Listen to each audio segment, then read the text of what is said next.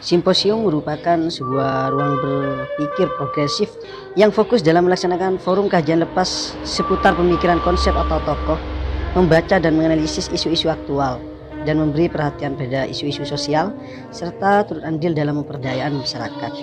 Uh, forum diskusi ini juga membudayakan membaca, menulis, dan berdiskusi lepas secara dialektif pro- progresif. Uh, forum ini muncul sebagai respon atas kegelisahan iklim akademik yang mengalami dekadensi pada era modernitas serta sebagai wadah dalam memfasilitasi para pelajar, mahasiswa, dan masyarakat secara umum yang selalu ingin menambah wawasan hasanah intelektual. Forum ini dapat dikatakan sebagai komunitas dari berbagai macam latar belakang identitas yang berbeda. Forum ini juga tidak memiliki kepentingan apa pun kecuali belajar, menggali pemahaman baru mengenai realitas sosial serta bersama memahami konsep para tokoh. Nah, itu seputar simposium.